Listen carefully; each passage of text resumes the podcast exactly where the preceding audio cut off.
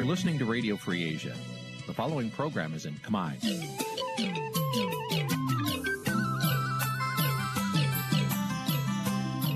នេះជាកម្មវិធីផ្សាយ Vuthu Azizi Serai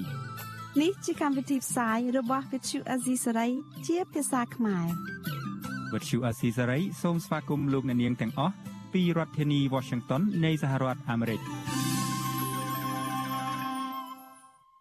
ចាប់ផ្សាយផ្ទាល់ពីរដ្ឋធានី Washington នាងខ្ញុំសុកជីវីសូមជម្រាបសួរលោកអ្នកនាងកញ្ញាដែលកំពុងតាមដានការផ្សាយរបស់ Vuthu Azizi Serai ទាំងអស់ជាទីមេត្រី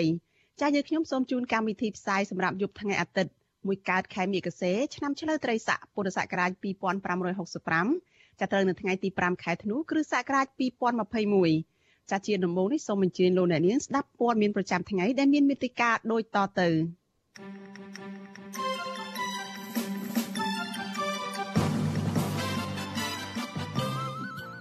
លោកសំរងស៊ីថាសត្រូវពិតប្រកបរបស់អ្នកប្រជាធិបតេយ្យខ្មែរគឺលោកហ៊ុនសែនមន្ត្រីសិទ្ធិមនុស្សបារម្ភពីកំណើនអំពើហិង្សានិងការយាយីផ្នែកនយោបាយនៅមុនការបោះឆ្នោតអញ្ញាធរកំណត់មនុស្សត្រឹម200នាក់នៅពេលដែលសង្គមស៊ីវិលប្រារព្ធពិធីសិទ្ធិមនុស្សអន្តរជាតិ10ធ្នូមន្ត្រីសង្គមស៊ីវិលនិងសកម្មជនបរិស្ថានបារម្ភថារោងចក្រកាត់ដេរមួយចំនួនរួមចំណែកបំផ្លាញព្រៃឈើ រួមនឹងព័ត៌មានផ្សេងៗមួយចំនួនទៀត។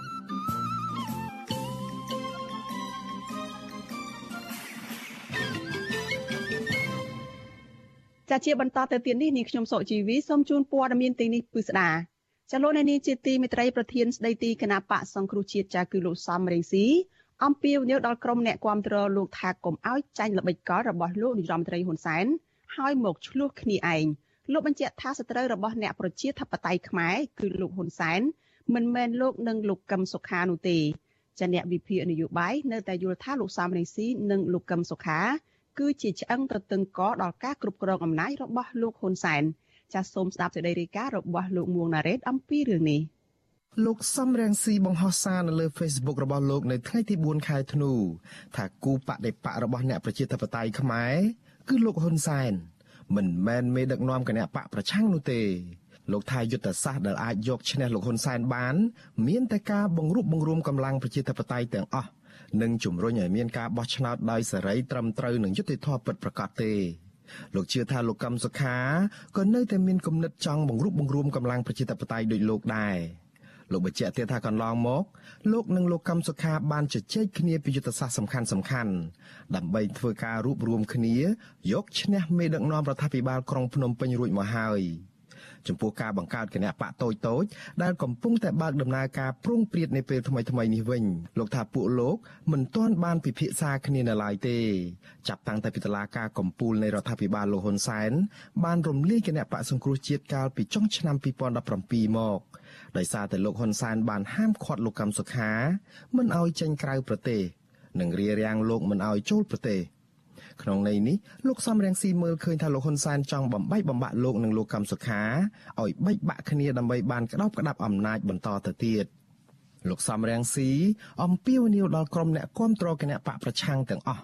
កុំចាញ់បោកល្បិចកលរបស់លោកហ៊ុនសែនដោយងាកមកឆ្លោះគ្នាឯងបែបនេះហើយនាំគ្នាដើរចូលក្នុងអន្ទាក់របស់លោកហ៊ុនសែននោះ ការលើកឡើងរបស់លោកសំរងស៊ីនេះកើតមានឡើងដោយសារតែមួយរយៈនេះសកម្មជនគណបកប្រឆាំងបានបង្ហាញសារនៅក្នុងបណ្ដាញសង្គម Facebook ខកចិត្តចំពោះការប្រឈមនឹងការបែកបាក់គ្នារវាងលោកកឹមសុខានិងលោកសំរងស៊ីប្រងព្រាតព្រមពេលដែលលោកហ៊ុនសែនបានឆ្លៀតឱកាសប្រកាសដាក់កូនប្រុសច្បងរបស់លោកគឺលោកហ៊ុនម៉ាណែតជាបេក្ខជននាយករដ្ឋមន្ត្រីរបស់គណៈបកកាន់អំណាចនៅពេលខាងមុខតើតើទៅនឹងបញ្ហានេះអ្នកនាំពាក្យគណៈបកកាន់អំណាចលោកសុកអេសាន ប្រាប់វិទ្យុអាស៊ីសេរីថាមន្ត្រីគណៈបកប្រជាជនកម្ពុជាមិនមានពាក់ព័ន្ធទៅនឹងចំនួនរបស់ក្រុមគណៈបកប្រឆាំងនោះទេលោកចាត់ទុកការលើកឡើងរបស់លោកសំរងស៊ីនេះថាជាការអស់ផ្លូវដើរនិងជាការបោកប្រាស់អ្នកគាំទ្រដើម្បីកេងចំណេញនយោបាយតែប៉ុណ្ណោះ វាជាការគួរចង់ឲ្យអស់សំណើចណាស់ដែលកម្មសខាទាត់មួយជើងហើយកោតធាក់ថែមពីរជើងទៀតនៅតែមកបវាអោបជើងកម្មសខាទៀតអានេះហើយគឺឆ្លោះបញ្ចាំងថាអត់ផ្លូវហើយក៏ប៉ុន្តែគាត់ទៅស្រែកដំណាក់កាលចុងក្រោយគឺថាភ្លើងទៀនរៀបនឹងអាលត់ហើយនឹងវាឆេះមកភឹបតែប៉ុណ្្នឹងថ្មីថ្មីនេះលោកហ៊ុនសែនបញ្ចេញប្រតិកម្មខ្លាំងខ្លាំងថាសញ្ញាណនៃការបែកបាក់រវាងមេដឹកនាំគណៈបកសង្គ្រោះជាតិលោកសំរងស៊ីនិងលោកកម្មសុខានោះ គឺមិនមែនលោកជាអ្នកបំបែកនោះទេលោកអះអាងថាករណីលោកកម្មសុខាជាប់ក្តីក្តាំនៅក្នុងតុលាការគឺជាការអនុវត្តច្បាប់ពលគឺមិនមែនជាការដាក់សម្ពាធឬគំនាបពីលោកនោះទេអីក៏ហ៊ុនសែនស្អីក៏ហ៊ុនសែនអញ្ចឹងហ៊ុនសែនទៅជាមនុស្សដែលខ្លាំងមហាអស្ចារ្យដែលបបាយពួកឯងបាននោះពួកឯងតោះគ្នាឯងទៅរឿងអីមកតាក់តងជាមួយអញទេហើយរួមក៏រួមទៅ ហើយបាយក៏បាយទៅម៉ែអញបើទោះបីជាយ៉ាងនេះក្តីអ្នកវិភាគនយោបាយដែលកំពុងតែភៀសខ្លួននៅប្រទេសហ្វាំងឡង់ លោកកឹមសុខមានប្រសាសន៍ថាការលើកឡើងរបស់លោកសំរៀងស៊ីគឺជារឿងត្រឹមត្រូវដើម្បីធ្វើដំណើរឆ្ពោះទៅមុខតតាំងជាមួយនឹងគណៈបកកណ្ដាលអំណាចលោកបន្តទៀតថាដើម្បីយកឈ្នះគណៈបកកណ្ដាលអំណាចបាន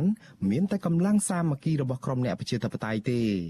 លោកមើលឃើញថាបច្ចុប្បន្នលោកហ៊ុនសែននៅតែបន្តព្យាយាមបំបែកលោកកឹមសុខានិងលោកសំរងស៊ីឲ្យបែកបាក់គ្នាដើម្បីងាយស្រួលលោកគ្រប់គ្រងអំណាចបានរលូនទៅមុខទៀត លោកសំរងស៊ីគួរធ្វើការងារឲ្យច្រើន ជាងនឹងបន្តិចក្នុងការសម្រួលស្មារតីអ្នកគ្រប់គ្រងអប់រំអ្នកគ្រប់គ្រងហើយប្រើសារនយោបាយដែលឲ្យតម្លៃគ្នាទៅវិញទៅមកក្នុងកិច្ចសហប្រតិបត្តិការរួមនៃអ្នកប្រជាធិបតេយ្យឬអ្នកដែលមាននិន្នាការចង់បានប្រជាធិបតេយ្យនានាហើយអធិពលរបស់គាត់អាចធ្វើបាន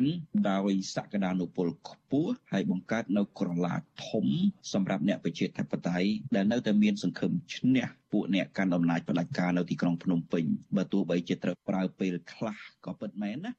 លោកសំរៀងស៊ីយល់ថាគណៈបកសង្គ្រោះជាតិក៏ជាឧបសគ្គមួយដ៏ធំធេងសម្រាប់គម្រោងផ្ទេរអំណាចពីលោកហ៊ុនសែនទៅកូនរបស់ខ្លួននោះដែរ លោកថាលោកហ៊ុនសែនបានរងចាំព័ត៌មានបំផោងដែលថាមានការបែកបាក់គ្នានៅក្នុងជួរគណៈបកប្រឆាំងជាមុនសិន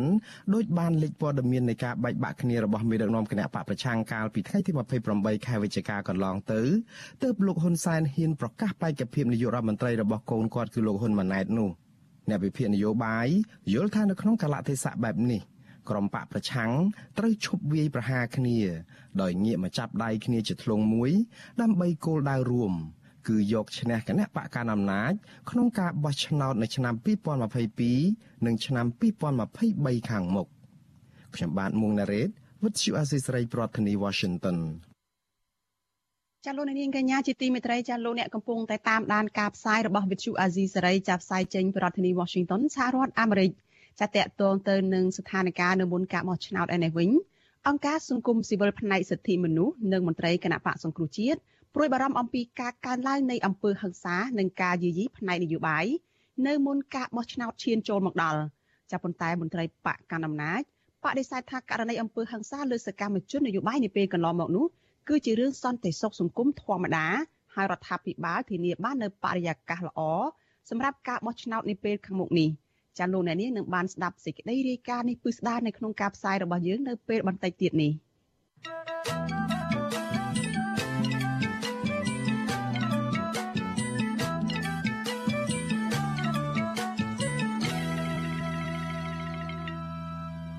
ចាលោកអ្នកនាងជាទីមេត្រីថ្ងៃទី10ខែធ្នូខាងមុខនេះចាគឺជាទិវាអន្តរជាតិសិទ្ធិមនុស្សអាញាធររាជធានីភ្នំពេញបានអនុញ្ញាតឲ្យក្រុមសង្គមស៊ីវិលជាង30ស្ថាប័ន ប្រារព្ធទិវាសិទ្ធិមនុស្សអន្តរជាតិ10ធ្នូនៅទីលានប្រជាធិបតេយ្យសម្រាប់ឆ្នាំនេះប៉ុន្តែអាជ្ញាធរបានកំណត់ឲ្យមានមនុស្សចូលរួមត្រឹមតែ200នាក់ប៉ុណ្ណោះ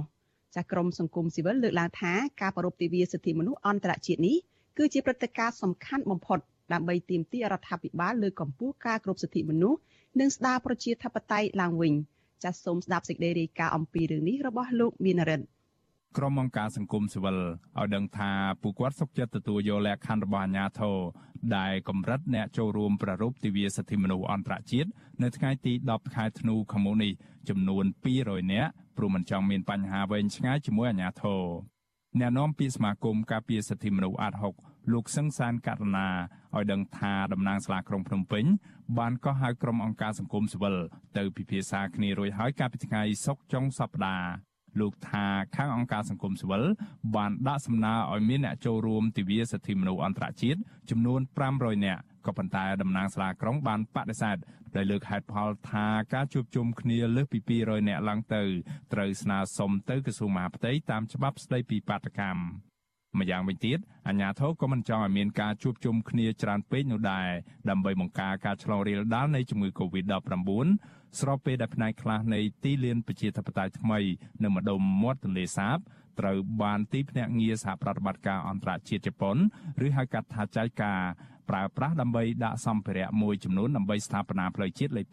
5លោកសឹងសានករណាបន្តថានៅឆ្នាំនេះក្រុមអង្គការសមាគមសហជីពនាំគ្នាប្រារព្ធទិវាសិទ្ធិមនុស្សអន្តរជាតិ10ធ្នូ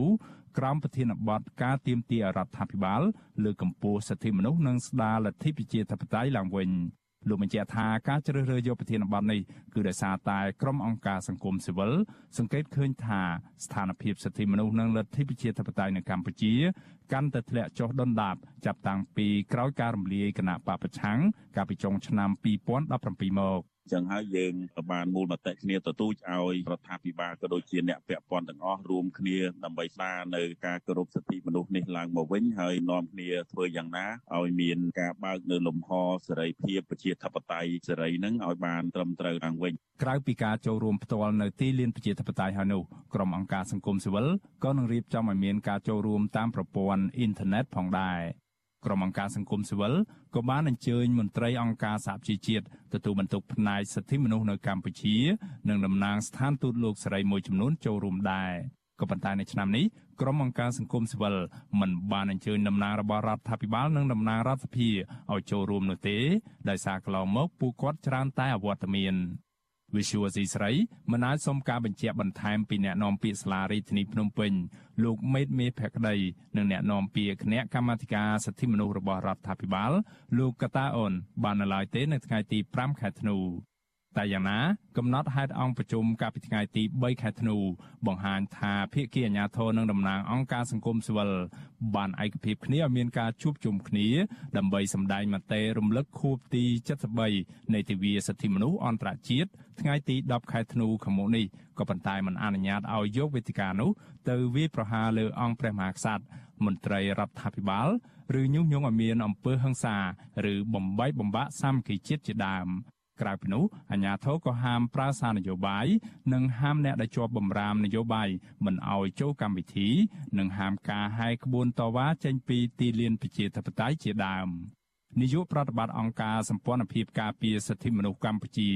លោករស់សថាឲ្យដឹងថានៅក្នុងកម្មវិធីឆ្នាំនេះក្រុមអង្គការសង្គមស៊ីវិលនឹងប្រគល់ពានរង្វាន់សកម្មជនសិទ្ធិមនុស្សជូនអតីតអ្នកជាប់ឃុំដែលទើបត្រូវបានដោះលែងចំនួន20នាក់ ក្នុងនោះក៏មានប្រធានសហភាពសហជីពកម្ពុជា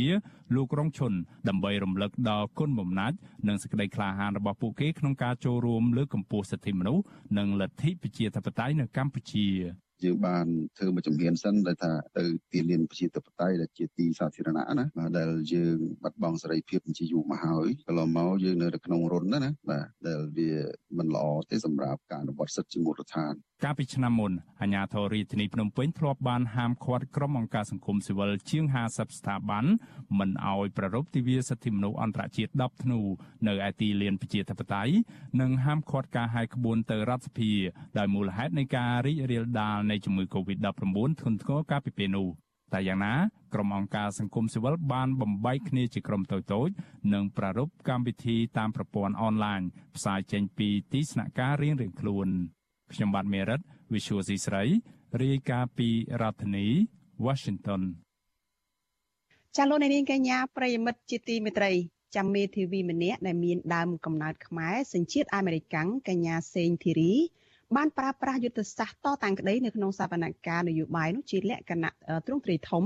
ដើម្បីកន្ត្រាក់អារម្មណ៍ក្រុមមេដឹកនាំពិភពលោកឲ្យងាកមកមើលការដឹកនាំបែបផ្ដាច់ការនៅកម្ពុជាកញ្ញាចាក់តាំងចិត្តថានឹងតតាំងក្តីនៅក្នុងតុលាការកម្ពុជាឲ្យដល់ទីបញ្ចប់បើទោះបីជាគ្មានជំនឿសោះថាកញ្ញាអាចឈ្នះសំណុំរឿងក្តីនយោបាយនេះក៏ដោយចាតើមានមូលហេតុអ្វីខ្លះដែលជំរុញឲ្យកញ្ញាសេងធីរីតាំងចិត្តមុតមមបែបនេះចាលោកអ្នកនាងនឹងបានស្ដាប់ សេចក្តីរាយការណ៍លម្អិតអំពីរឿងនេះនៅក្នុងការផ្សាយរបស់យើងនៅពេលបន្តិចទៀតនេះ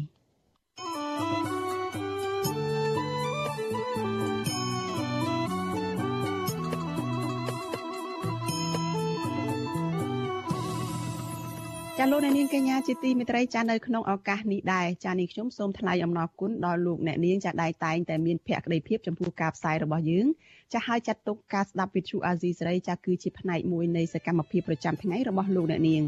ចាការគ្រប់គ្រងរបស់លោកអ្នកនាងនេះហើយដែលធ្វើឲ្យយើងខ្ញុំកាន់តែមានទឹកចិត្តកាន់តែខ្លាំងថែមទៀតចានៅក្នុងការស្វែងរកនិងផ្តល់ព័ត៌មានពិតទៅលោកអ្នកនាង ចាំមានអ្នកស្ដាប់មានអ្នកទស្សនាកាន់តែច្រើនកាន់តែធ្វើឲ្យយើងខ្ញុំស្វាហាប់និងមោះមុតបន្តទៅទៀតចាយើងខ្ញុំសូមអរគុណទុកជាមុនហើយក៏សូមអញ្ជើញលោកអ្នកនាងចាចូលរួមចំណែកជំរុញឲ្យសកម្មភាពផ្តល់ព័ត៌មាននិងផ្សព្វផ្សាយព័ត៌មានរបស់វិទ្យុអាស៊ីសេរីនេះចាកាន់តែមានភាពជោគជ័យបន្ថែមទៀត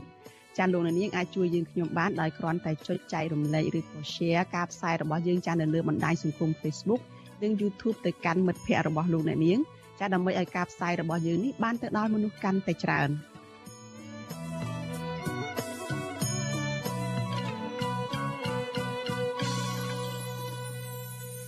ចាលោកនាងកញ្ញាជាទីមេត្រីចាតកតងនឹងការឆ្លងរាលដាលជំងឺ Covid-19 ឯនេះវិញចាថ្ងៃនេះអ្នកស្លាប់ដោយសារជំងឺ Covid-19 មានចំនួន4អ្នកទៀតក្នុងនោះអ្នកដែលមិនបានចាក់វ៉ាក់សាំងឬក៏ថ្នាំបង្ការជំងឺ Covid-19 នេះគឺមានចំនួន3នាក់ ចំណែកករណីឆ្លងថ្មីវិញក្រសួងសុខាភិបាលប្រកាសថាមាន24នាក់ដែលជាលទ្ធផលបញ្ជាក់ពីម៉ាស៊ីនពិសោធន៍ PCR ចាប៉ុន្តែតួលេខនេះក៏នៅតែមិនបានរាប់បញ្ចូលនៅលទ្ធផលដែលពិនិត្យតាមឧបករណ៍ test រហ័សឬក៏ rapid test នោះទេចាគិតត្រឹមព្រឹកថ្ងៃទី5ខែធ្នូនេះកម្ពុជាមានអ្នកកើតជំងឺ Covid-19 ជាង120,000នាក់ក្នុងនោះអ្នកដែលជាសះស្បើយមានជាង110,000នាក់ ហើយករណីអ្នកស្លាប់សរុបនោះគឺបានកើនឡើងដល់ជាង2960នាក់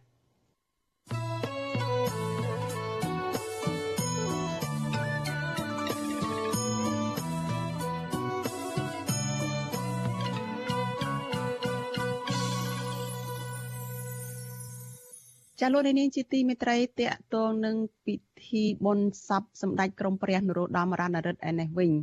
ចាព្រះសពរបស់សម្ដេចក្រមព្រះនរោត្តមរណរដ្ឋបានយាងដង្ហែពីប្រទេសបារាំងមកដល់កម្ពុជាហើយកាលពីព្រឹកថ្ងៃទី5ខែធ្នូនេះចារដ្ឋមន្ត្រីក្រសួងព្រះបរមរាជវាំងលោកគង់សំអល់ព្រះរាជវង្សានុវង្សនិងមន្ត្រីគណៈបកហ៊ុនសិនពេជ្រប្រមាណ100នាក់បានទៅទទួលព្រះសពនៅឯវាលយន្តហោះគឺប្រលានយន្តហោះអន្តរជាតិភ្នំពេញចាព្រះសពរបស់ព្រះអង្គកំពុងតម្កល់ធ្វើបុណ្យតាមព្រះរាជបវេនីនិងពុទ្ធសាសនារយៈពេល4ថ្ងៃ ស្ថិតនៅទីតាំងដែលជាអតីតព្រះរាជដំណាក់របស់ព្រះអង្គនៅផ្លូវសម្ដេចប៉ានក្រោយព្រះបរមរាជវាំងរដ្ឋាភិបាលកម្ពុជាបានកំណត់យកថ្ងៃទី8ខែធ្នូខាងមុខនេះជាថ្ងៃកាន់ព្រះមរណទុក្ខផ្លូវការនៅទូទាំងប្រទេស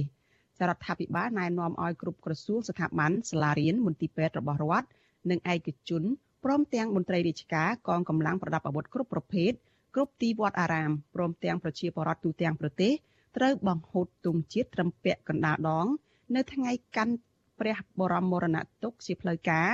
នៅថ្ងៃទី8ខែធ្នូខាងមុខនេះប្រកាសបន្ថែមពីលើនេះគ្រប់ស្ថានីយវិទ្យុនិងទូរទស្សន៍ជាតិនិងឯកជនទាំងអស់ត្រូវផ្អាកការសម្ដែងនិងការចាក់ផ្សាយនៅទស្សនីយភាពទាំងឡាយណា ដែលមានលក្ខណៈសប្បាយកក្រឹកកក្រែងផងដែររដ្ឋាភិបាលលើកឡើងថាសម្ដេចក្រមព្រះនរោត្តមរណរដ្ឋដែលជាអតីតនាយករដ្ឋមន្ត្រីទី1និងជាអតីតប្រធានរដ្ឋសភាជាតិ មានគុណបំណាច់ដ៏ធំធេងចំពោះជាតិសាសនានិងព្រះមហាក្សត្រចាសសម្ដេចក្រមព្រះនរោត្តមរណរដ្ឋបានសោយទីវង្គតនៅក្នុងព្រះជន្មាយុ77ព្រះវស្សានៅឯប្រទេសបារាំងកាលពីថ្ងៃទី28ខែវិច្ឆិកាចាទ្រង់ជាបុត្រាច្បងរបស់ព្រះបាទនរោត្តមសីហនុនិងអ្នកមនាងផាត់កញ្ញុលហើយត្រូវជាប្រជាថាឬក៏ជាបងប្រុស របស់ព្រះមហាក្សត្របច្ចុប្បន្នគឺព្រះករុណាព្រះបាទសម្ដេចព្រះបរមនាថនរោត្តមសីហមុនីចាប់ប៉ុន្តែមានព្រះមេត្តាទីតីហើយមានបិតាតែមួយព្រះអង្គគឺជាព្រះប្រធានក្រុមប្រឹក្សាផ្ទាល់របស់ព្រះមហាក្សត្រនិងជាប្រធានគណៈបកហ្វុនស៊ិនពេជ្រលើសពីនេះទ្រង់ក៏ធ្លាប់ឈ្នះឆ្នោតឡើងធ្វើជានាយករដ្ឋមន្ត្រីនៃប្រទេសកម្ពុជាដែរប៉ុន្តែត្រូវបានលោកហ៊ុនសែនធ្វើរដ្ឋប្រហារដណ្ដើមយកអំណាចវិញកាលពីខែកក្កដាឆ្នាំ1997 ចាស់នៅមុនការយាងសោយទីវង្គតនេះសម្ដេចក្រមព្រះបានបាត់ព្រះភ័ក្រជាង3ឆ្នាំមកហើយចាក្រោយពីទ្រង់យាងទៅព្យាបាលព្រះរោគនៅឯប្រទេសបារាំងបន្ទាប់មានមានគ្រោះថ្នាក់ចរាចរណ៍មួយនៅស្រុកព្រៃនប់ខេត្តព្រះសីហនុកាលពីថ្ងៃទី17ខែមិថុនាឆ្នាំ2018ចាស់ក្នុងគ្រោះថ្នាក់នោះទ្រង់បានរងរបួសធ្ងន់ចំណែកអ្នកមនាងអុបផល្លាបានទទួលមរណភាព thank you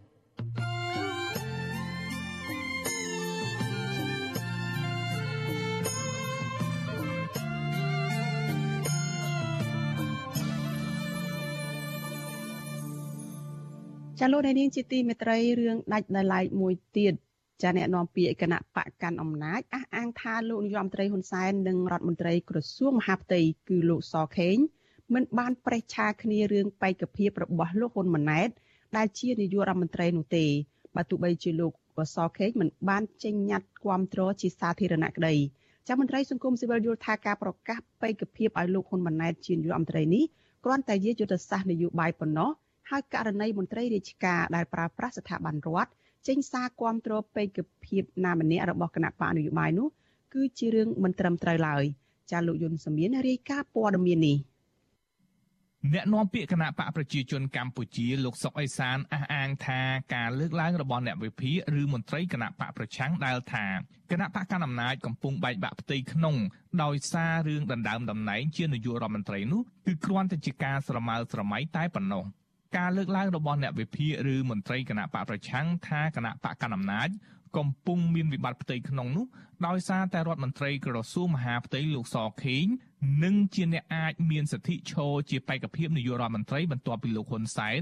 នៅមិនទាន់ចេញលិខិតផ្លូវការគាំទ្របេក្ខភាពលោកហ៊ុនម៉ាណែតជានាយករដ្ឋមន្ត្រីនៅឡើយទេលោកសុកអេសានលើកឡើងថាករណីលោកសខេង មិនទាន់ចេញសារគាំទ្របេក្ខភាពលោកហ៊ុនម៉ាណែតព្រោះលោកនាយករដ្ឋមន្ត្រីហ៊ុនសែននិងលោកសខេងព្រមទាំងសមាជិកគណៈកម្មាធិការអចិន្ត្រៃយ៍របស់គណៈបកបានជជែកនឹងឯកភាពគ្នារួចទៅហើយគណៈអចិន្ត្រៃយ៍នៃគណៈកម្មាធិការកណ្ដាលគណៈបកប្រជាជនកម្ពុជា បានចេញលិខិតមួយចុះថ្ងៃទី3ខែធ្នូដោយគាំទ្របេក្ខភាពលោកហ៊ុនម៉ាណែតជានាយករដ្ឋមន្ត្រីនាពេលអនាគត លិខិតនោះបញ្ជាក់ថាគណៈបកប្រជាជនកម្ពុជាមានជំនឿថាលោកហ៊ុនម៉ាណែតពិតជាស័ក្តិសមជាអនាគតនាយករដ្ឋមន្ត្រីកម្ពុជាលោកសុកអេសានបន្ថែមទៀតថាចំណែករឿងមន្ត្រីរាជការគ្រប់ប្រភេទប្រើប្រាស់ស្ថាប័នរដ្ឋនិងយោធាគាំទ្របេក្ខភាពលោកហ៊ុនម៉ាណែតជានាយករដ្ឋមន្ត្រីនោះក៏មិនមែនជារឿងខុសទាស់អ្វីឡើយព្រោះពួកគេសុទ្ធតែជាសមាជិករបស់គណៈបកប្រជាជនកម្ពុជា ពាក្យដល់ថ្នាក់ដឹកនាំគឺចំកាន់ការចិនត្រៃរបស់គណៈបកគណៈកម្មការកដាលគណៈបកហើយផ្លាយអ្នកគេឯកភាពអានឹងគេប្រកាសតែមួយតែចាំបាច់ទៅប្រកាសទាំង36អ្នកធ្វើអីណាហើយបើប្រធានប្រកាសហើយបានគេប្រធានមិនមានការឯកភាពពីអនុប្រធានពីសមាជិកមួយចំនួនធំហើយអញ្ចឹងបានតែថាដូចជាសម្ដេចតខេងលោកគ្រប់គ្រងមហាផ្ទៃឲ្យចុះបរដំសនីទាំងអស់នឹងចេញងាត់គ្រប់ត្រនៅប្រសាសសម្ដេចដែលចូលហ៊ុនសែនរួចហើយចាំបាច់សម្ដេចតខេងលោកទៅប្រកាសធ្វើអីណាពីព្រោះក្នុងចង្កោមដឹកនាំថ្នាក់កម្ពុជាលើនេះហើយឯកភាពគ្នារួចហើយហ្នឹងជុំវិញករណីនេះអ្នកឃ្លាំមើលនិងមន្ត្រីអង្គការសង្គមស៊ីវិលយល់ថាសារគាំទ្របេក្ខភាពលោកហ៊ុនម៉ាណែតជានាយករដ្ឋមន្ត្រីនេះគ្រាន់តែជាយុទ្ធសាស្ត្រនយោបាយរបស់លោកនាយករដ្ឋមន្ត្រីហ៊ុនសែនដើម្បីស្ទាបស្ទង់ពីការគាំទ្រទាំងក្នុងជួរបកនិងពីសាធារណជននាយកប្រតិបត្តិនៃអង្គការសង្ត្រាល់លោកមឿនដុល្លារថ្លែងថាលោកហ៊ុនម៉ាណែត នៅមិនទាន់ក្លាយជាបេក្ខភាពនាយករដ្ឋមន្ត្រីពិតប្រាកដនោះទេលុះត្រាតែមានការបោះឆ្នោតគាំទ្រដោយសមាជិកគណៈកម្មាធិការអចិន្ត្រៃយ៍របស់គណៈបកប្រជាជនកម្ពុជាជាមុនសិន ការប្រកាសតែងតាំងវាជាផ្ទៃក្នុងកិច្ចការផ្ទៃក្នុងរបស់បកមែនណាប៉ុន្តែរឿងដែលសំខាន់គឺរឿងការបោះឆ្នោតមួយប្រកបទៅដោយសេរីត្រឹមត្រូវយុត្តិធម៌ហើយបើសិនជាមានការប្រគល់ប្រជែងដោយសេរីត្រឹមត្រូវយុត្តិធម៌មែនសម្រាប់ខ្ញុំខ្ញុំថាវាអត់មានបញ្ហាទេអ្នកណាចង់ឈរឈ្មោះជានាយករដ្ឋមន្ត្រីក៏បានដែរសិនជាការបោះឆ្នោតហ្នឹងវាមានលក្ខណៈត្រឹមត្រូវសេរីត្រឹមត្រូវយុត្តិធម៌ហើយប្រជាពលរដ្ឋជ្រើសរើសទៅដល់អ្នកណាហ្នឹងគឺអ្នកហ្នឹងឡើងដឹកនាំប្រទេស លោកមឿនដុល្លារបន្តថាចំពោះករណីមន្ត្រីរាជការមួយចំនួនដែលយកស្ថាប័នរដ្ឋទៅប្រកាសគាំទ្របេក្ខភាពលោកហ៊ុនម៉ាណែតជាចំហបែបនេះគឺមិនមែនជារឿងត្រឹមត្រូវនោះទេព្រោះស្ថាប័នរដ្ឋមិនមែនជាកម្មសិទ្ធិផ្ដាច់មុខរបស់គណៈបកណាមួយឡើយតែជាស្ថាប័នរបស់ជាតិ ចឹងបើសិនជាយើងយកស្ថាប័នរដ្ឋយើងយកទៅប្រកាសរឿងបេក្ខភាពនាយករដ្ឋមន្ត្រីរបស់បកណាមួយអាហ្នឹងថាខុសបងខុសធ្ងន់ណាព្រោះបើសិនជាយើងជាសមាជិកបកយើងអាចប្រកាសជាសាធារណៈចឹងមែនដោយសារយើងជាសមាជិកបកណាប៉ុន្តែយើងយកស្ថាប័នរដ្ឋទៅប្រកាសជាសាធារណៈទៅគ្រប់គ្រងបេក្ខភាពនាយករដ្ឋមន្ត្រីនៃបកមួយអាហ្នឹងគឺខុសហើយបាទក្រោយពីលោកនាយករដ្ឋមន្ត្រីហ៊ុនសែនប្រកាសគាំទ្រឲ្យកូនប្រុសច្បងរបស់លោកគឺលោកហ៊ុនម៉ាណែតធ្វើជានាយករដ្ឋមន្ត្រីទៅពេលអនាគតនោះមក ក្រសួងនិងស្ថាប័នរដ្ឋមួយចំនួន បានចេញញត្តិគាំទ្រការលើកឡើងនេះជាបន្តបន្ទាប់ក្នុងចំណោមស្ថាប័នទាំងនោះក៏មានក្រសួងរៀបចំដែនដីក្រសួងសេដ្ឋកិច្ចនិងហិរញ្ញវត្ថុក្រសួងយុតិធធក្រសួងសុខាភិបាល ស្ថាប័នយោធា និងស្ថាប័នតុលាការជាដើមមេធាវីនៃការិយាល័យច្បាប់ Rights and Business លោកសេកសភ័ណ្ឌមានប្រសាសន៍ថាការយកស្ថាប័នរដ្ឋនិងយោធាមកលេងនឹងរឿងនយោបាយជារឿងមិនត្រឹមត្រូវតាមច្បាប់នោះទេ លោកបន្តថាការបែងចែកមិនច្បាស់លាស់រឿងការងារបកនិងរដ្ឋនេះនឹងនាំឲ្យមានទំនាស់ផលប្រយោជន៍ ត្រីរាជការស្ថិតនៅក្របក្របខ័ណ្ឌច្បាប់ស្ដីពីថាលក្ខន្តិកមន្ត្រីរាជការស៊ីវិលហ្នឹងទទួលប្រាក់ខែពីរដ្ឋមានន័យថាមិនមែនជារបស់បកទេត្រង់ថាគាត់ធ្វើកិច្ចការអី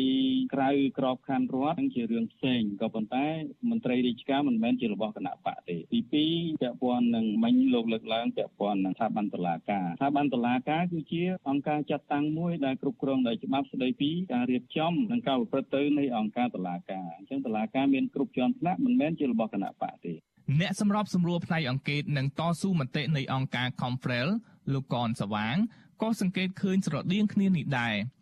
លោកកនសវាង បានបញ្ចេញទស្សនៈនៅលើទំព័រ Facebook របស់លោកថារឿងបកនិងរដ្ឋគឺជារឿងពីរផ្សេងគ្នាលោកបញ្ជាក់ថាគណៈបកនយោបាយ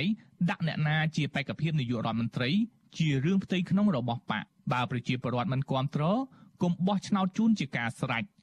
លោកបន្តថានៅពេលមន្ត្រីរដ្ឋនាំគ្នាប្រើប្រាស់ស្ថាប័នរដ្ឋទៅគ្រប់គ្រងអ្នកណាម្នាក់របស់បកវាជាការរំលោភច្បាប់សហលក្ខន្តិកៈរបស់មន្ត្រីរាជការខ្ញុំយុនសាមៀនវិទ្យុអាស៊ីសេរីប្រធានាធិបតី Washington ចាលោកនាងកញ្ញាជាទីមេត្រីចានៅក្នុងរឿងនេះដែរចាំមានទស្សនៈច្រើនណាស់ពីរឿងការរៀបចំដាក់ពេកភាពលោកហ៊ុនម៉ាណែត ធ្វើជានាយករដ្ឋមន្ត្រីនេះចាមានការលើកឡើងថានេះគឺអ្នកខ្លះថាជារឿងដែលអាចទៅរួចអ្នកខ្លះក៏លើកឡើងថានេះគឺជារឿងដែលមិនអាចទៅរួចទេសម្រាប់គណៈបកប្រជាជនកម្ពុជាចានៅក្នុងពេលបន្តិចទៀតនេះចានេះខ្ញុំនឹងមានសម្ភារផ្ទាល់មួយចាជាមួយនឹងអ្នកវិភាគនិងអ្នកតាមដានស្ថានភាពនយោបាយនៅកម្ពុជាគឺលោកមនិតសូណារ៉ូចាតកតទៅនឹងថាតើការដាក់បេក្ខភាពរបស់លោកហ៊ុនម៉ាណែតនេះគឺជាការដែលអាចទៅរួចទេហើយ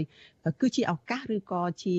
ការដែលប្រឈមនឹងគ្រោះថ្នាក់ឬក៏ហានិភ័យសម្រាប់កម្ពុជាចាសសូមលោកអ្នកនាងកុំភ្លេចតាមដានកិច្ចសម្ភាសនេះនៅក្នុងការផ្សាយរបស់យើងនៅពេលបន្តិចទៀតនេះ thank you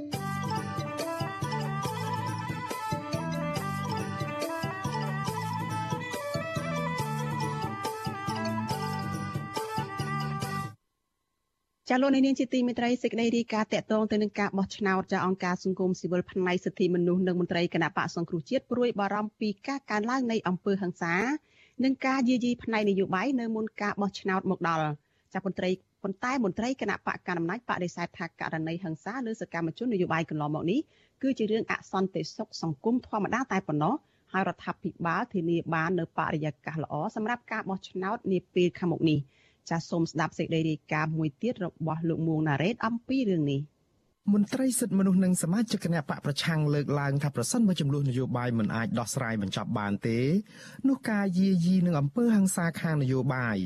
នឹងកើតមានជាបន្តបន្ទាប់ទៅទៀតនៅមុនការបោះឆ្នោតឆ្នាំ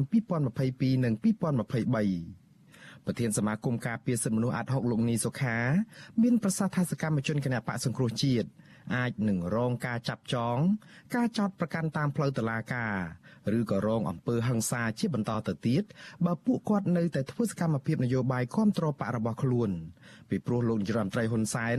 បានប្រកាសម្ដងហើយម្ដងទៀតថានឹងតាមកម្ចាត់ក្រុមគណៈបកប្រឆាំងដល់ទីបញ្ចប់លោកនីសុខាថ្លែងទៀតថាបញ្ហានីតិរដ្ឋភាព ឬក៏ទម្លាប់ឲ្យជនល្មើសរួចទោសក៏ជាមូលហេតុសំខាន់ដែលនាំឲ្យមានអំពើហិង្សាផ្នែកនយោបាយទៅលើសកម្មជនគណបកប្រឆាំងសមាជិកអង្គការសង្គមស៊ីវិលនិងសកម្មជនដែលមាននានាការផ្ទុយពីរដ្ឋាភិបាលដែរបើសិនជាស្ថានភាពនយោបាយมันមានការទូសាលទេអ្នកនយោបាយมันមានការផ្សះផ្សាគ្នាបង្រួបបង្រួមគ្នាដើម្បីដោះស្រាយពីចំនួននយោបាយនោះទេខ្ញុំគិតថាទៅមុខនេះក៏ស្ថានភាពយើងមិនទាន់ឃើញមានការវិវត្តអីល្អប្រសើរដែរ ស្រដៀងគ្នានេះមន្ត្រីជាន់ខ្ពស់គណៈបកប្រឆាំងយល់ថាការយាយីនិងអំពើហ ংস ាខាងនយោបាយនឹងមិនថមថយនោះទេពីព្រោះរដ្ឋាភិបាលលោកហ៊ុនសែនជាអ្នកនៅពីក្រោយខ្នងរឿងនេះមូលហេតុដែលមន្ត្រីបកប្រឆាំងហ៊ានអះអាងបែបនេះពីព្រោះតែករណីហ ংস ានៅក្នុងរូបភាពប្រហាក់ប្រហែលគ្នាកើតលើសកម្មជនគណៈបកសង្គ្រោះជាតិលើសពី30ករណីនៅក្នុងនោះជនរងគ្រោះមួយចំនួនបានរងគ្រោះរហូតដល់ពិការនិងស្លាប់ ក៏ប៉ុន្តែអាជ្ញាធរមិនបានចាប់ជនដៃដល់មកផ្ដន្ទាទោសនោះឡើយប្រធានប្រតិបត្តិគណៈបកសង្គ្រោះជាតិរាជធានីភ្នំពេញដែលកំពុងតែរស់នៅភៀសខ្លួននៅក្នុងប្រទេសម៉ាឡេស៊ីលោកមនផល្លាថ្លែងថារដ្ឋាភិបាលលោកហ៊ុនសែនប្រើគ្រប់មធ្យោបាយដើម្បីបង្ក្រាបសម្លេងគណៈបកប្រឆាំងនិងអ្នកបញ្ចេញមតិរិះគន់ លោកថាបើអាចចាប់ចងបាននោះរដ្ឋាភិបាលនឹងចាប់សកម្មជនគណៈបកសង្គ្រោះជាតិនិងអ្នករិះគន់ដាក់ពន្ធនាគារដោយប្រើប្រាស់តុលាការដែលជាឧបករណ៍នយោបាយរបស់ខ្លួនក៏ប៉ុន្តែសម្រាប់សកម្មជនដែលមិនខ្លាចការគំរាមកំហែងលោកមនផល្លាថ្លែងថាអាញាធរដ្ឋាភិបាលនឹងប្រើអំពើហិង្សាលើពួកគាត់ឬក៏ឈានដល់ការកាប់សម្លាប់ផងក៏មានដូចជាករណីឃាតកម្មលើយុវជនគណៈបកសង្គ្រោះជាតិខណ្ឌជ្រោយចង្វាលោកស៊ុនខុនជាដើម អំពើហិង្សានឹងអាចកើតឡើងបន្តបន្តទៀតហើយជាពិសេសនៅក្នុងអំឡុងពេលនៅការរៀបចំការបោះឆ្នោតជ្រើសរើសក្រុមសាគមខាងមុខហើយអញ្ចឹងហើយខ្ញុំមានការព្រួយបារម្ភពាក់ព័ន្ធទៅនឹងការសម្លាប់មនុស្សក្រៅប្រព័ន្ធហើយជាការកិច្ចវេះរបស់សមត្ថកិច្ចដែលជានិច្ចកាលតែតែតម្លាក់បន្ទុកទៅលើអ្នករងគ្រោះថាជាអង្គើគម្រំគុំគួនមកលើសកម្មជនគណបកប្រឆាំងក៏ដូចជាអង្គការសង្គមស៊ីវិលផងដែរបាទ អ្នកការពារសិទ្ធិមនុស្សនិងមន្ត្រីគណៈបកសង្គ្រោះជាតិលើកឡើងអំពីក្តីបារម្ភនិងមតិរិះគន់ទាំងនេះគឺដោយសារតែអាញាធរដ្ឋាភិបាលលោកហ៊ុនសែនបានខកខាននៅក្នុងការរកយុត្តិធម៌ជូនក្រុមសកម្មជនគណៈបកសង្គ្រោះជាតិលើសពី30នាក់ដែលត្រូវបានជន់មិនស្គាល់មុខ លបវាយដំឲ្យរងរបួសធ្ងន់កាលពីពេលកន្លងទៅ ស្របពេលដែលស្ថានភាពហាក់វិវត្តធ្ងន់ធ្ងរមួយកម្រិតទៀតគឺយុវជនគណបកសង្គ្រោះជាតិលោកស៊ិនខុនត្រូវបានឃាតករកាប់សម្លាប់ក្បែរកន្លែងស្នាក់នៅរបស់លោកនៅក្នុងវត្តចាស់រាជធានីភ្នំពេញក្នុងពេលដែលអំពើហិង្សាលើសកម្មជននយោបាយកាត់ឡើងជាបន្តបន្ទាប់បែបនេះលោកនាយករដ្ឋមន្ត្រីហ៊ុនសែនដែលមានអំណាចបញ្ជាលើកម្លាំងគ្រប់ប្រភេទនោះ មិនត្រឹមតែមិនបានប្រកាសឲ្យរងយុត្តិធម៌ជូនជនរងគ្រោះនោះទេក៏ប៉ុន្តែលោកថែមទាំងថ្លែងសារនយោបាយតាមកម្ចាត់សកម្មជនបកប្រឆាំងម្ដងហើយម្ដងទៀតហ៊ុនសែនសូមប្រកាសសារជាថ្មីម្ដងទៀតនៅស្រុកកំណើតរបស់ខ្លួនទោះបីអូសបន្លាយនៃការបន្តអាណត្តិរបស់ខ្ញុំប្រមាណឆ្នាំតទៅទៀតចែងខ្វល់ចិត្តខ្ញុំដើម្បីលេងជាមួយនឹងពួកអាជ្រុលនិយមការពារសន្តិភាពនេះ ជំវិញរឿងនេះមន្ត្រីជាន់ខ្ពស់នឹងជាអ្នកនាំពាក្យគណៈបកកណ្ដាលអំណាចលោកសុកអេសានបកស្រាយថាការប្រកាសតាមកម្ចាត់ក្រុមគណៈបកប្រឆាំងនេះគឺរដ្ឋាភិបាលដាក់ទិសដៅចំពោះអ្នកដែលទទួលបញ្ជាឬក៏ពាក់ព័ន្ធនឹងគម្រោងរបស់ក្រុមមេដឹកនាំគណៈបកសង្គ្រោះជាតិនៅក្រៅប្រទេសលោកបញ្ជាក់ថាចំពោះសកម្មជនប្រឆាំងណាដែលមិនពាក់ព័ន្ធនឹងគម្រោងរបស់ក្រុមមេដឹកនាំគណៈបកសង្គ្រោះជាតិពួកគេនឹងមិនមានបញ្ហាអ្វីនោះទេ តើតើទៅនឹងអំពើហិង្សាលើសកម្មជនបកប្រឆាំងជាបន្តបន្ទាប់នោះវិញលោកសុកេសានចាត់ទុកថានេះគឺជាបាតុភិបធម្មតានៅក្នុងសង្គមដែលមិនពាក់ព័ន្ធនឹងរដ្ឋាភិបាលនោះឡើយមានប្រយោជន៍អីដែលរាជរដ្ឋាភិបាលក្នុងការដែលខ្លួនឯងគ្រប់គ្រងណាយទៅញុះញង់ឲ្យមានពើហិង្សាឬឈោពីក្រោយអំពើហិង្សាដើម្បីខ្លួនឯងទទួលខុសត្រូវនោះអានឹងវាជាការឆោតលងណាស់អញ្ចឹងនេះខ្ញុំយល់ថាការលើកឡើងគ្រាន់តែជាការចោតប្រកាន់ខាងផ្នែកនយោបាយតែប៉ុណ្ណោះទេបាទ បើទោះបីជាយ៉ាងនេះក្តីមន្ត្រីគណៈបកប្រឆាំងនឹងអង្គការសង្គមស៊ីវិលមើលឃើញថាករណីទាំងនោះជាការយាយីនិងជាអំពើហិង្សាផ្នែកនយោបាយមិនមែនជារឿងសន្តិសុខសង្គមធម្មតានោះឡើយ។ ប្រធានសមាគមអាតហុកលោកនីសុខាថ្លែងថាអាញាធរចាត់វិធានការលឿនរហ័សចំពោះបទល្មើសសង្គមជាទូទៅក៏ប៉ុន្តែខកខាននៅក្នុងការចាត់ការសំណុំរឿងហិង្សាលើសកម្មជនគណបកប្រឆាំងដែលនេះបង្ហាញអំពីការរើសអើងនិន្នាការនយោបាយលោកជំរុញឲ្យអាញាធរគិតគូរឡើងវិញអំពីបញ្ហាសវត្ថិភាពនិងសន្តិសុខសម្រាប់សកម្មជននយោបាយដោយគ្មានការរើសអើងស្របពេលដែលការបោះឆ្នោតកាន់តែខិតជិតចូលមកដល់ អាជ្ញាធរនឹងត្រូវទៅចូលរួមក្នុងការរៀបចំស្ដាប់ធ្នាប់រៀបចំស្ថានភាពសវត្ថភាពសន្តិសុខធានាទៅដល់ក្រុមអ្នកនយោបាយទាំងអស់គ្រប់និន្នាការទាំងអស់ដើម្បីឈានទៅធ្វើការបោះឆ្នោតមួយដែលមានភាពល្អមានភាពសេរីមានការប្រកួតប្រជែងគ្នាបានត្រឹមត្រូវអានឹងជាកាតព្វកិច្ចរបស់អាជ្ញាធររដ្ឋនឹងត្រូវតែរៀបចំបញ្ហានឹង ការបង្កើតបរិយាកាសនយោបាយសេរី និងការធានាសិទ្ធិនយោបាយសម្រាប់គ្រប់ភាគី គឺជាលក្ខខណ្ឌពីរសំខាន់នៅក្នុងចំណោមលក្ខខណ្ឌដទៃទៀតដែលក្រុមអង្គការសង្គមស៊ីវិលស្នើទៅរដ្ឋាភិបាលកម្ពុជាឲ្យធានាឲ្យបាន ដើម្បីការបោះឆ្នោតអាចប្រព្រឹត្តទៅដោយសេរីត្រឹមត្រូវនិងយុត្តិធម៌នៅក្នុងន័យនេះនៅក្នុងន័យនេះមន្ត្រីសិទ្ធិមនុស្សនិងមន្ត្រីគណៈបកប្រឆាំងស្នើយ៉ាងទទូចដល់រដ្ឋាភិបាលលោកហ៊ុនសែនឲ្យដោះស្រាយបញ្ចប់វិបត្តិនយោបាយ គ្រប់សិទ្ធិសេរីភាពជាមូលដ្ឋានរបស់ប្រជាពលរដ្ឋព្រមទាំងបញ្ឈប់ការធ្វើទុកបុកម្នេញគ្រប់រូបភាពទៅលើសកម្មជនគណៈបកប្រឆាំងនិងអ្នកបញ្ចេញមតិរិះគន់តទៅទៀតខ្ញុំបាទមុងណារ៉េត With you Asisari ប្រធានាធិបតី Washington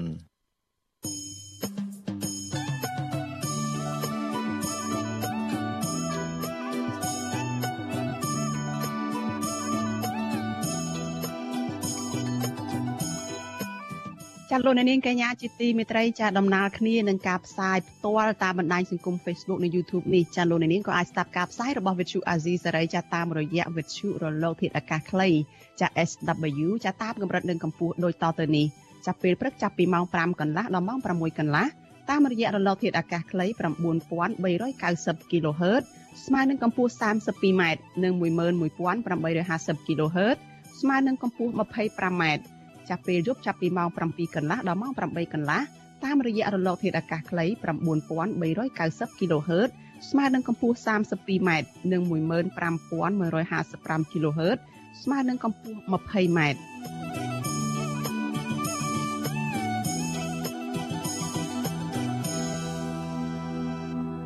ចាលោកនាងជាទីមេត្រីមេធាវីម្នាក់មានដើមកំណើតខ្មែរសញ្ជាតិអាមេរិកាំងគឺកញ្ញាសេងធីរី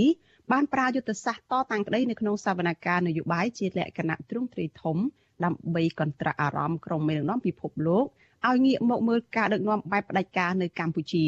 កញ្ញាតាំងចិត្តថានឹងតតាំងក្តីនៅក្នុងតុលាការកម្ពុជាឲ្យដល់ទីបញ្ចប់បើទោះបីជាគ្មានជំនឿថាកញ្ញាអាចយកឈ្នះសំណុំរឿងក្តីនយោបាយនេះបានក៏ដោយចាតើមានមូលហេតុអ្វីខ្លះដែលជំរុញឲ្យកញ្ញាសេងធីរីតាំងចិត្តមុតមមបែបនេះ ចាសសូមស្ដាប់បទយកការលំអិតមួយរបស់អ្នកស្រីខែសំណងអំពីរឿងនេះដូចតទៅការតស៊ូក្នុងសង្វៀនសវនាការនៃសំណុំរឿងនយោបាយក្នុងរបបផ្ដាច់ការគឺជាយុទ្ធសាស្ត្រថ្មីដែលកញ្ញាសេងធីរីជឿជាក់ថានឹងទទួលបានការចាប់អារម្មណ៍ពីមេដឹកនាំអាស៊ាន និងមេដឹកនាំពិភពលោកទាំងអស់ខណៈក្រុមមេដឹកនាំទាំងនេះកំពុងទប់ស្កាត់កុំឲ្យមេដឹកនាំកម្ពុជាលំអៀងទៅរកចិនកុម្មុយនីសជ្រុលពេក កញ្ញាសេងធីរីថានៅពេលឈានជើងចូលរួមសវនាការរឿងក្តីនយោបាយទ្រង់ទ្រាយធំធំម្ដងម្ដងកញ្ញាមានមោទនភាពណាស់ ព្រោះថាវត្តមានកញ្ញាបានទាញចំណាប់អារម្មណ៍ពីក្រុមអ្នកខ្លំមើលយ៉ាងច្រើនកកក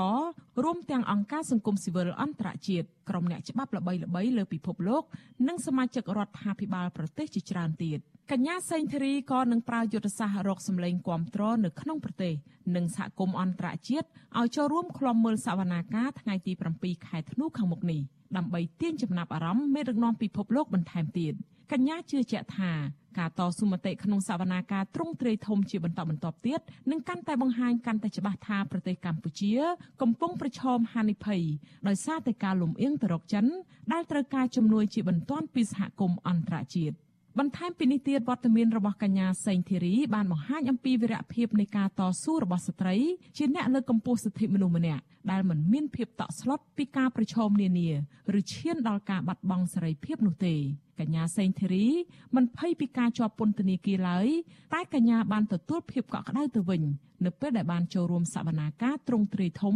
ដើម្បីលើកទឹកចិត្តដល់សកម្មជននយោបាយទាំងអស់ខ្ញុំក៏ចង់ទាញអ្វីដែលខ្ញុំនឹងដឹងថាកើតឡើងឲ្យគេចាប់អារម្មណ៍ពីអាស៊ានឲ្យចាប់អារម្មណ៍លើករណីសវនាការទ្រង់ទ្រាយធំពិសេសនេះដែលយើងได้ឃើញពីមុនពីព្រោះវាតេតិនដល់កម្ពុជាធ្វើជាប្រធានអាស៊ានបើអញ្ចឹងខ្ញុំចង់ភ្ជាប់ករណីពីរនឹងជាមួយគ្នាតែម្ដងបើអញ្ចឹងខ្ញុំគិតថានឹងមានការចាប់អារម្មណ៍ពីកសែតអន្តរជាតិដែរមកពីចិត្តដល់កម្ពុជាធ្វើជាប្រធានអាស៊ានកញ្ញាសេងធីរីឬឈ្មោះក្នុងអត្តសញ្ញាណប័ណ្ណសញ្ជាតិខ្មែរសេងច័ន្ទធីរីកើតនៅឆ្នាំ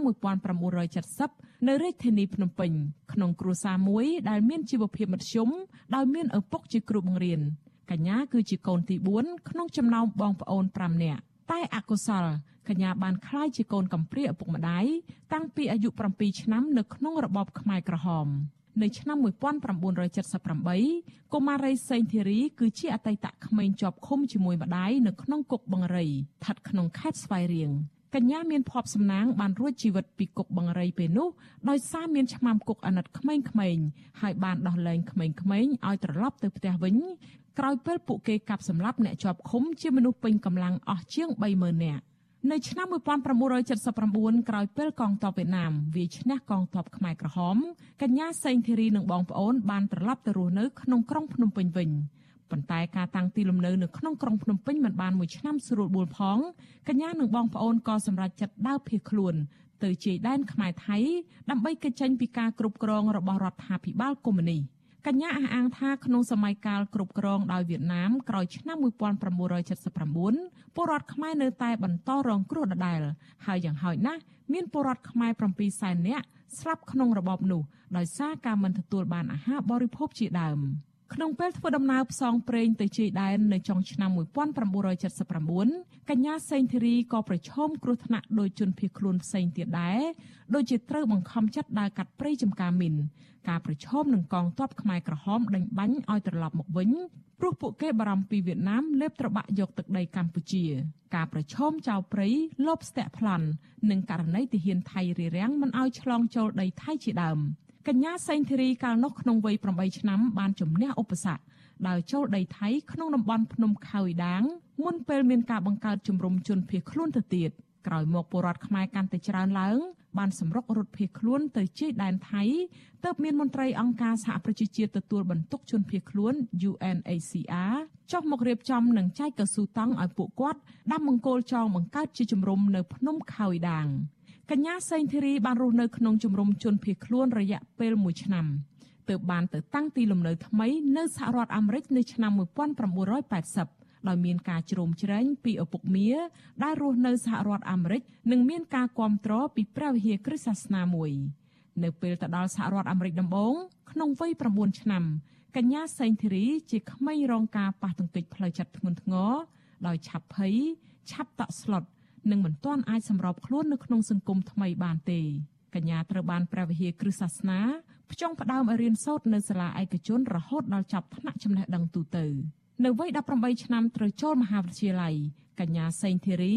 ចាប់ផ្ដើមស្រាយចម្ងល់នៅក្នុងចិត្តថាតើហេតុអ្វីទើបពលរដ្ឋកម្ពុជាមានប្រវត្តិសាស្ត្រជូរចត់បែបនេះកញ្ញាចាប់ផ្ដើមរៀនបរិញ្ញាបត្រផ្នែកវិទ្យាសាស្ត្រនយោបាយអន្តរជាតិនៅសាកលវិទ្យាល័យ Georgetown នៅរដ្ឋធានី Washington ក្នុងពេលសិក្សាថ្នាក់បរិញ្ញាបត្រនោះកញ្ញាសេងធីរីបានស្គាល់លោកសំរងស៊ីដែលកាលនោះគឺជាសមាជិកគណៈបកហ្វុនស៊ិនពេជ្រក្នុងពេលលោកទៅជួបពលរដ្ឋខ្មែរនិងមន្ត្រីសហរដ្ឋអាមេរិកនៅរដ្ឋធានី Washington ដើម្បីស្វែងរកការគ្រប់គ្រងក្នុងការបង្កើតគណៈបកប្រឆាំងនៅកម្ពុជាទោះជាយ៉ាងណាកញ្ញាមិនទាន់សម្រេចចិត្តចូលរួមជាមួយលោកសំរងស៊ីនោះទេនៅពេលបញ្ចប់ការសិក្សាថ្នាក់បរិញ្ញាបត្រនៅឆ្នាំ1995កញ្ញាសេងធីរី មានឱកាសត្រឡប់មកមាតុភូមិវិញដើម្បីស្រាយចម្ងល់ផ្ទាល់ខ្លួនបន្ថែមទៀតកញ្ញាទៅកម្ពុជាក្នុងនាមជាអ្នកស្ម័គ្រចិត្តនៃគម្រោងមួយរបស់អង្គការ USAID ដែលធ្វើជាគ្រូបង្រៀនច្បាប់និងភាសាអង់គ្លេសដល់មន្ត្រីនៃក្រសួងយុតិធធនិងមន្ត្រីនៅសាលាក្តីខ្មែរក្រហមនៅពេលនោះ កញ្ញាឲ្យដឹងថារដ្ឋាភិបាលចម្រុះនៃគណៈបកហ្វុនស៊ិនប៉ិចនិងគណៈបកប្រជាជនកម្ពុជា បានអូសទាញកញ្ញាឲ្យចូលរួមជាមួយពួកគេរៀងៗខ្លួនកញ្ញាសេងធីរី មានជំហរថាទោះបីជាក្នុងតម្លៃប៉ុណ្ណា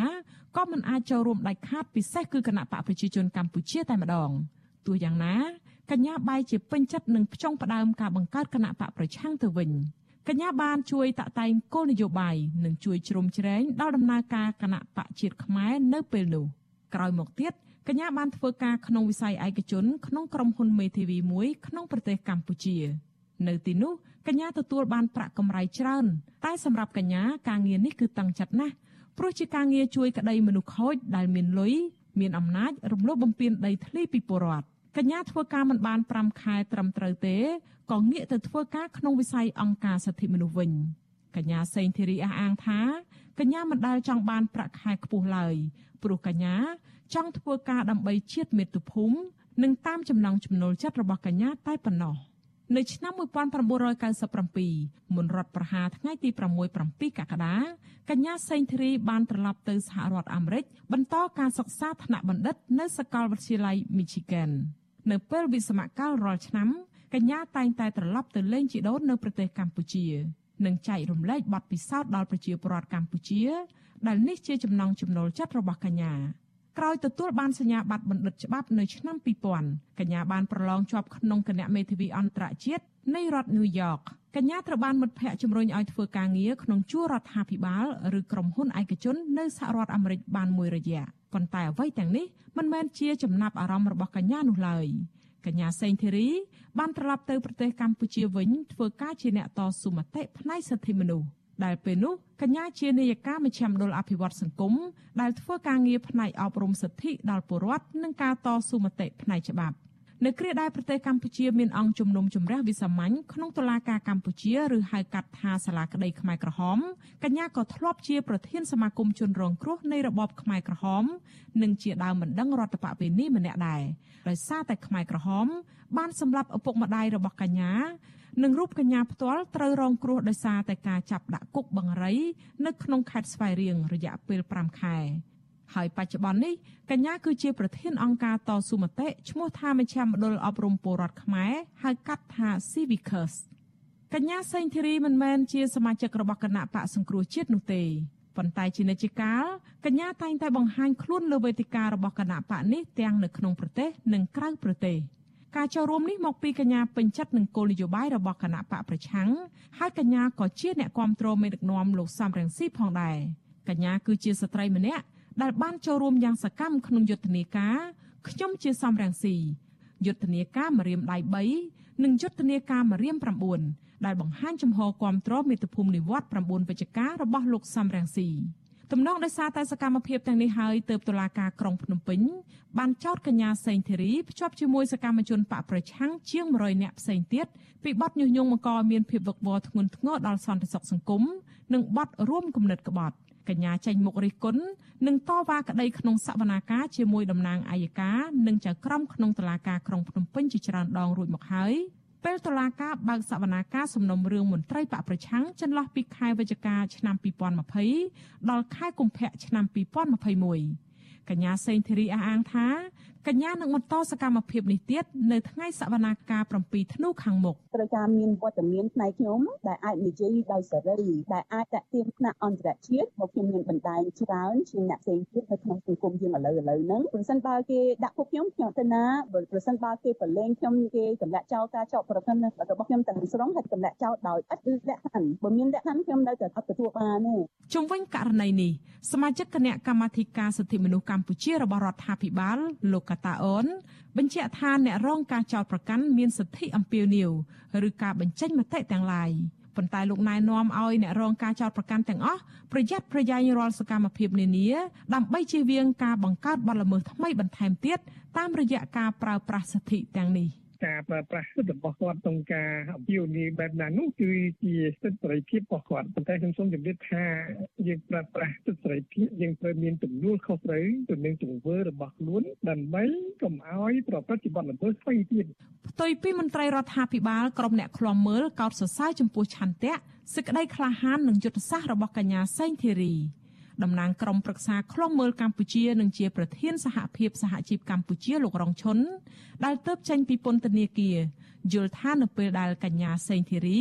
និងពលរដ្ឋទាំងអស់ហ៊ានបង្ហាញឆន្ទៈតវ៉ារាល់អំពើអយុត្តិធម៌នោះរដ្ឋាភិបាលនិងអាជ្ញាធរកម្ពុជា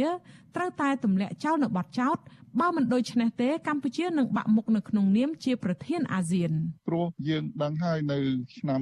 2022នេះកម្ពុជាធ្វើជាប្រធានអាស៊ានវិលជុំហើយនឹងមានអន្តរជាតិមកចូលរួមប្រជុំនៅកម្ពុជាជាច្រើន ចំណុចនឹងហើយដែលជាចំណុចទាក់ទាញឲ្យអន្តរជាតិគេមើលឃើញថាកម្ពុជាកំពុងតែរំលោភសិទ្ធិមនុស្សរំលោភសេរីភាព កញ្ញាសេងធីរីយល់ថាការតតាំងក្តីក្នុងសវនាការនយោបាយនេះមិនមែនសម្រាប់តែកញ្ញាម្នាក់ទេគឺសម្រាប់ទាញចំណាប់អារម្មណ៍មេដឹកនាំពិភពលោកកុំឲ្យបោះបង់ប្រជាពលរដ្ឋកម្ពុជាចោលកញ្ញាជឿជាក់ថាមេដឹកនាំក្នុងរបបផ្ដាច់ការមានចេតនាបង្អើលឲ្យកញ្ញារត់ចេញពីកម្ពុជាហើយពួកគេនឹងបិទផ្លូវលែងឲ្យកញ្ញាបានវិលត្រឡប់ចូលកម្ពុជាវិញ។ កញ្ញាសេងធីរីក្រុងត្រឡប់ទៅសហរដ្ឋអាមេរិកវិញនៅពេលដែលបញ្ចប់ក្តីក្តាំនេះរួចក្នុងលក្ខខណ្ឌតុលាការទម្លាក់ចោលបទចោទទាំងស្រុងលើកញ្ញានិងសកម្មជនគណៈបកប្រឆាំងទាំងអស់ចា៎នាងខ្ញុំខែសុណងវັດឈូអាស៊ីសេរីរាយការណ៍ពីរដ្ឋធានី Washington ចាលោកនាងជាទីមេត្រីចាលោកអ្នកកំពុងតែតាមដានការផ្សាយរបស់វិទ្យុអាស៊ីសេរីចាប់ផ្សាយចេញពីរដ្ឋធានី Washington សហរដ្ឋអាមេរិក។ ចាតកតងទៅនឹងការប្រកាសរបស់លោកយមត្រីហ៊ុនសែនដែលគាំទ្រឲ្យកូនប្រុសចាគឺលោកហ៊ុនម៉ាណែតជាបេក្ខភាពនាយករដ្ឋមន្ត្រីនោះចានៅពេលនេះចានេះខ្ញុំមានសម្ភារផ្ទាល់មួយជាមួយជាមួយនឹងលោកមនិតសូណារ៉ូចាហើយយើងនឹងជជែកគ្នាថាតើការដាក់បេក្ខភាពរបស់លោកហ៊ុនម៉ាណែតនេះតើមានបញ្ហាអ្វីខ្លះអាចថាជាឱកាសសម្រាប់កម្ពុជាឬក៏អាចថាជាគ្រោះថ្នាក់សម្រាប់កម្ពុជានោះចានេះខ្ញុំបានឃើញលោកមនិតសូណារ៉ូហើយចាជំរាបសួរលោកមនិតពីចម្ងាយចា ជំរាបសួរអ្នកត្រីខែសំណនបាទចាសុជីវីចាលោកមនិតចាអូអូសុជីវីសុំតោះសុំតោះចាលោកមនិតអឺតកតងទៅនឹងបេក្ខភាពការប្រកាសគ្រប់គ្រងដោយលោកញោមត្រីហ៊ុនសែនគឺកូនប្រុសរបស់លោកគឺលោកហ៊ុនម៉ាណែតហ្នឹង មកដល់ពេលនេះចាមានការចេញមកគ្រប់គ្រងភ្លុកទឹកភ្លុកដីណាស់តាំងពីមន្ត្រីរដ្ឋាភិបាលសូម្បីតែមន្ត្រីនៅតាមមន្ទីរក្រសួងស្ថាប័ននានានឹងចេញមកប្រកាសគ្រប់គ្រងថាគេពេញចិត្តបេក្ខភាពលោកហ៊ុនម៉ាណែតនេះណាស់គេចង់បានលោកហ៊ុនម៉ាណែតនឹងធ្វើជានាយករដ្ឋមន្ត្រីបន្តពីលោកហ៊ុនសែនចាប៉ុន្តែមានចំណុចមួយដែលមកដល់ពេលនេះណាយើងនៅតែមិនទាន់ឃើញពីភាគីរបស់លោកឧបនាយករដ្ឋមន្ត្រីសខេងរដ្ឋមន្ត្រីក្រសួងមហាផ្ទៃនឹង ចេញមកទេទោះបីជាយើងបានឃើញមានលិខិតមួយរបស់លោកសៃឈុំដែលចេញមកតំណាងគណៈអចិន្ត្រៃយ៍របស់គណៈបកប្រជាជនកម្ពុជានឹងចេញមកគ្រប់គ្រងបេក្ខភាពនឹងក៏ដោយប៉ុន្តែដូចជាមិនច្បាស់លាស់ចំពោះការគ្រប់គ្រងពីលោកសខេងនៅឡើយទេចំពោះលោកបណ្ឌិតវិញលោកបណ្ឌិតមើលឃើញយ៉ាងម៉េចចាតើនេះមានភាពប្រទាំងប្រទើសគ្នាទេតើអាចថានឹងមានបញ្ហា ផលល្អផលអាក្រក់ទៅដល់កម្ពុជាយ៉ាងម៉េចខ្លះចានៅពេលដែលនៅក្នុងគណៈបកនឹងនៅមិនទាន់មានភាពច្បាស់លាស់បង្ហាញឲ្យយើងឃើញនៅឡើយនេះចាបាទអរគុណណាស់អ្នកតែសុធីវីសូមជម្រាបសួរប្រិមិត្តវិទ្យុអាស៊ីសេរីបាទថ្ងៃនេះមេគីមសាក់អាប់បន្តិចតែពលឺមិនសូវច្បាស់មើលមកទៅហើយខ្ញុំសូមជម្រាបថាព័ត៌មាននៃការត្រៀមបេក្ខជនដើម្បីផ្ទេរអំណាច របស់កម្ពុជានេះវាជាដំណឹងដ៏ភ្ញាក់ផ្អើលសម្រាប់កម្ពុជា និងពិភពលោកភ្ញាក់ផ្អើលនៅត្រង់ថា40ឆ្នាំកន្លងមកហើយគឺកម្ពុជាឃើញមុខបរោះដដែលដដែលឡើងទៅមួយអង្គនឹងឯងចឹងហើយម្នាក់ម្នាក់គាត់តែងតែមានការកៅដែរប្រហែលជាដូចជាដូចដូចជាខ្ពស់ពេកហ្នឹងណាអឺមានការធុញទ្រាន់បាទធុញទ្រាន់ណាស់ជាមួយអឺ រូបភាពដដែលដដែលដែលមេដឹកនាំដែល30 40ឆ្នាំហើយនៅតែក្រាញអំណាចទៅនៅមួយកន្លែងអញ្ចឹងចង់មិនចង់ដំណឹងនៃការមានបេក្ខជនថ្មីចង់មិនចង់ការគ្រប់គ្រងភ្លុកទឹកភ្លុកដីនេះក៏ជាការបង្ហាញរបស់មន្ត្រីគណៈបកប្រជាជនកម្ពុជាថាគេក៏ចង់បានការផ្លាស់ប្ដូរដែរនិយាយអត់ទៅនិយាយអត់ថាជាការផ្លាស់ប្ដូរ តែតំណែងរឿងផ្លាស់ប្ដូរទៅហ៊ុនម៉ាណែតឬក៏ផ្លាស់ប្ដូរទៅសោខេងតាមពិតគឺតាមនីតិវិធីក៏ដូចជាតាមលំដាប់លំដោយនៃឋានានុក្រម គឺត្រូវតែលោកសោខេងមិនមែនជាលោកហ៊ុនម៉ាណែតទេលោកហ៊ុនម៉ាណែតតាមឋានានុក្រមនៅឆ្ងាយពីពីនឹងឆ្ងាយណាប៉ុន្តែខ្ញុំក៏មិនដឹងថាគណៈបកប្រជាជនកម្ពុជាគេមានប្រជុំដើម្បីធ្វើការអឺសម្រាប់រួមគ្នាឬយ៉ាងម៉េចឬក៏ ការប្រកាសនេះគ្រាន់តែជាឯកតោភាគីរបស់លោកហ៊ុនសែនទេតែប៉ុន្តែខ្ញុំតាមដានឃើញថាភាគីគ្រប់ភាគីទាំងអស់នៅក្នុងគណៈបកប្រជាជនមានការអំណរសាទរខ្លាំងក៏ប៉ុន្តែនៅភាគីលោកសខេងដូចជានៅស្ងាត់ស្ងៀមអញ្ចឹងហើយយើងឃើញថាវាអាចវាអាចចង់ចង់ឋានានុក្រមនៃការផ្ទេរអំណាចគឺលោកសខេងបើសិនជាហ៊ុនសែនមិននៅគឺគាត់ជានាយករដ្ឋមន្ត្រីស្ដីទីហើយបើសិនជា លោកហ៊ុនសែនដាក់តំណែងចំចង់វាត្រូវដល់វេនរបស់លោកសុកខេងបាទអញ្ចឹងអញ្ចឹងបានយើងថាវាមានចំណុចវិជ្ជមាននៅត្រង់ថាវាអាចមានឱកាសឲ្យកម្ពុជាដូរនាយករដ្ឋមន្ត្រីទៅដូរថ្នាក់ដឹកនាំតែវាចំណុចអវិជ្ជមានហ្នឹងមាននៅត្រង់ថាគឺមិនមែនជាការផ្ទេរដោយឋានានុក្រមត្រឹមត្រូវបែរជា មានការរំលងហើយរំលងនេះមិនធម្មតាទៀតគឺរំលងដោយអឺពីតតំណែងពីឪពុកទៅកូនតែម្ដងអញ្ចឹង កម្ពុជាអាចคล้ายទៅជាប្រទេសដែលតសន្តតិវង្សនៃការផ្ទៃអំណាចដូចប្រទេសមួយចំនួនដែលដែលដែលមានគេឈ្មោះមិនល្អឯដូចជាកូរ៉េខាងជើងឯជាដើមអញ្ចឹងអញ្ចឹងហើយវាជាចំណុចមួយដែលយើងគួរឲ្យចាប់អារម្មណ៍ក៏ប៉ុន្តែសួរថាតើកម្ពុជាមានទស្សនវិស័យទៅមុខយ៉ាងណាខ្ញុំថាបើទោះជាយ៉ាងណាកូនហ៊ុនសែនក៏មិនដូចហ៊ុនសែនដែរបាទ ហ៊ុនសែនគាត់ចេញមកពីមជ្ឈដ្ឋាននៃការតស៊ូនៅក្នុងព្រៃចេញមកពីមជ្ឈដ្ឋានក្រមបាញ់បោះក្រមកាប់ចាក់ក្រមអីចឹងចង់ថយដែរដូច្នេះលោកបណ្ឌិតលោកបណ្ឌិតលើកឡើងចំណុចចុងក្រោយនេះគឺថា មានសុតិធិនិយមចាំមានចំណុចវិជ្ជមាន ពីការដែលផ្ទេរអំណាចទៅឲ្យកូនប្រុសដែរក្រែងលោស្លឹកឈើអាចជ្រុះឆ្ងាយពីគល់អីចឹងទៅប៉ុន្តែលោកបណ្ឌិតមានរឿងមួយទៀតនោះគឺតាក់ទងទៅនឹងការឡើងកាន់អំណាចណាមួយនៅកម្ពុជាយើងឃើញថាតែងតែជាប់ពាក់ព័ន្ធជានិច្ចទៅនឹងប្រទេសក្បែរខាងយើង ចាំបើមិនប្រទេសថៃទេគឺប្រទេសវៀតណាមហើយក្នុងរយៈពេលចុងក្រោយនេះគឺប្រទេសវៀតណាមនឹងមានឥទ្ធិពលណាស់មកលើកម្ពុជានៅក្នុងការឡើងកាន់អំណាចបើរាប់តាំងពីសម័យប៉ុលពតអីផងមកហ្នឹងគឺវៀតណាមមានឥទ្ធិពលទៅលើការដាក់មេដឹកនាំមកការមកដឹកនាំប្រទេសយើងនឹងហើយនៅពេលបច្ចុប្បន្ននេះកម្ពុជាបែបដូចជាងាកទៅប្រទេសចិនអីចឹងទៅតើចំពោះការលើក តែងតាំងលោកហ៊ុនម៉ាណែតមកជាបេក្ខជនសម្រាប់ការបោះឆ្នោតធ្វើជានាយករដ្ឋមន្ត្រីហ្នឹងអាចមានភាពប្រទាំងប្រទើសគ្នាយ៉ាងម៉េចអាចថាវៀតណាមមិនគ្រប់គ្រងទេហើយអាចធ្វើឲ្យកម្ពុជានឹងមានទំនាស់អីចុះឡើងអីនៅក្នុងឆាកអន្តរជាតិអីដែរទេចា៎បាទខ្ញុំមិនមានសុតិធិនិយមទេគ្រាន់តែខ្ញុំឃើញថាមានចំណុចវិជ្ជមាននៅត្រង់ថាមានការយ៉ាងហោចណាស់ក្រោយពី40ឆ្នាំមានមនុស្សថ្មីបាទមនុស្សថ្មីឬ សុតិធិនិយមខ្ញុំអត់មានសុតិធិនិយមអីទេបាទថាចំណែកឯរឿងបញ្ហាដែលពាក់ព័ន្ធគឺប្រទេសកម្ពុជាយើងជានិច្ចកាលគឺថាដាក់ខ្លួនឲ្យទៅជាប្រទេសដែលរណបនៃប្រទេសជិតខាងឬក៏ប្រទេសចិនឬក៏ប្រទេសវៀតណាមឬក៏ជាប្រវត្តិមិនមែនតិចឆ្នាំទេ300ឆ្នាំមកហើយអញ្ចឹងហើយការផ្ទេរអំណាចនេះចង់មិនចង់ក៏វាមានពាក់ព័ន្ធជាមួយនឹងការ គ្រប់គ្រងនៃមហាអំណាចក៏ដូចជាប្រទេសជិតខាងនេះដែរអញ្ចឹងហើយខ្ញុំឃើញទោះបីជាបច្ចុប្បន្ននេះលោកហ៊ុនសែនគាត់មានការបត់នយោបាយទៅរកចិនយ៉ាងកំហុកយ៉ាងណាក៏ដោយក៏ប៉ុន្តែខ្ញុំនៅតែឃើញគាត់មានហៅថារក្សា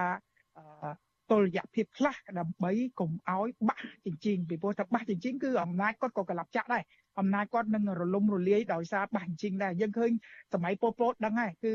ប៉ុលពតងាកចេញពីយួនទៅចិនយ៉ាងកំហុកហើយរួចហើយងាកមកបង្ក្រាបក្រុមដែលគ្រប់គ្រងយួនហ្នឹងចុងក្រោយបានត្រឹមតែរលាយខ្លួនឯងនឹងឯងអញ្ចឹងហើយ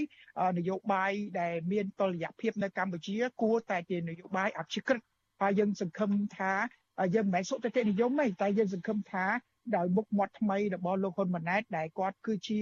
មិនមែនចាក់ចេញពីប្រភពនៃការកាប់ចាក់ជាទាហានជាសង្គ្រាមមេតបមេតបព្រៃ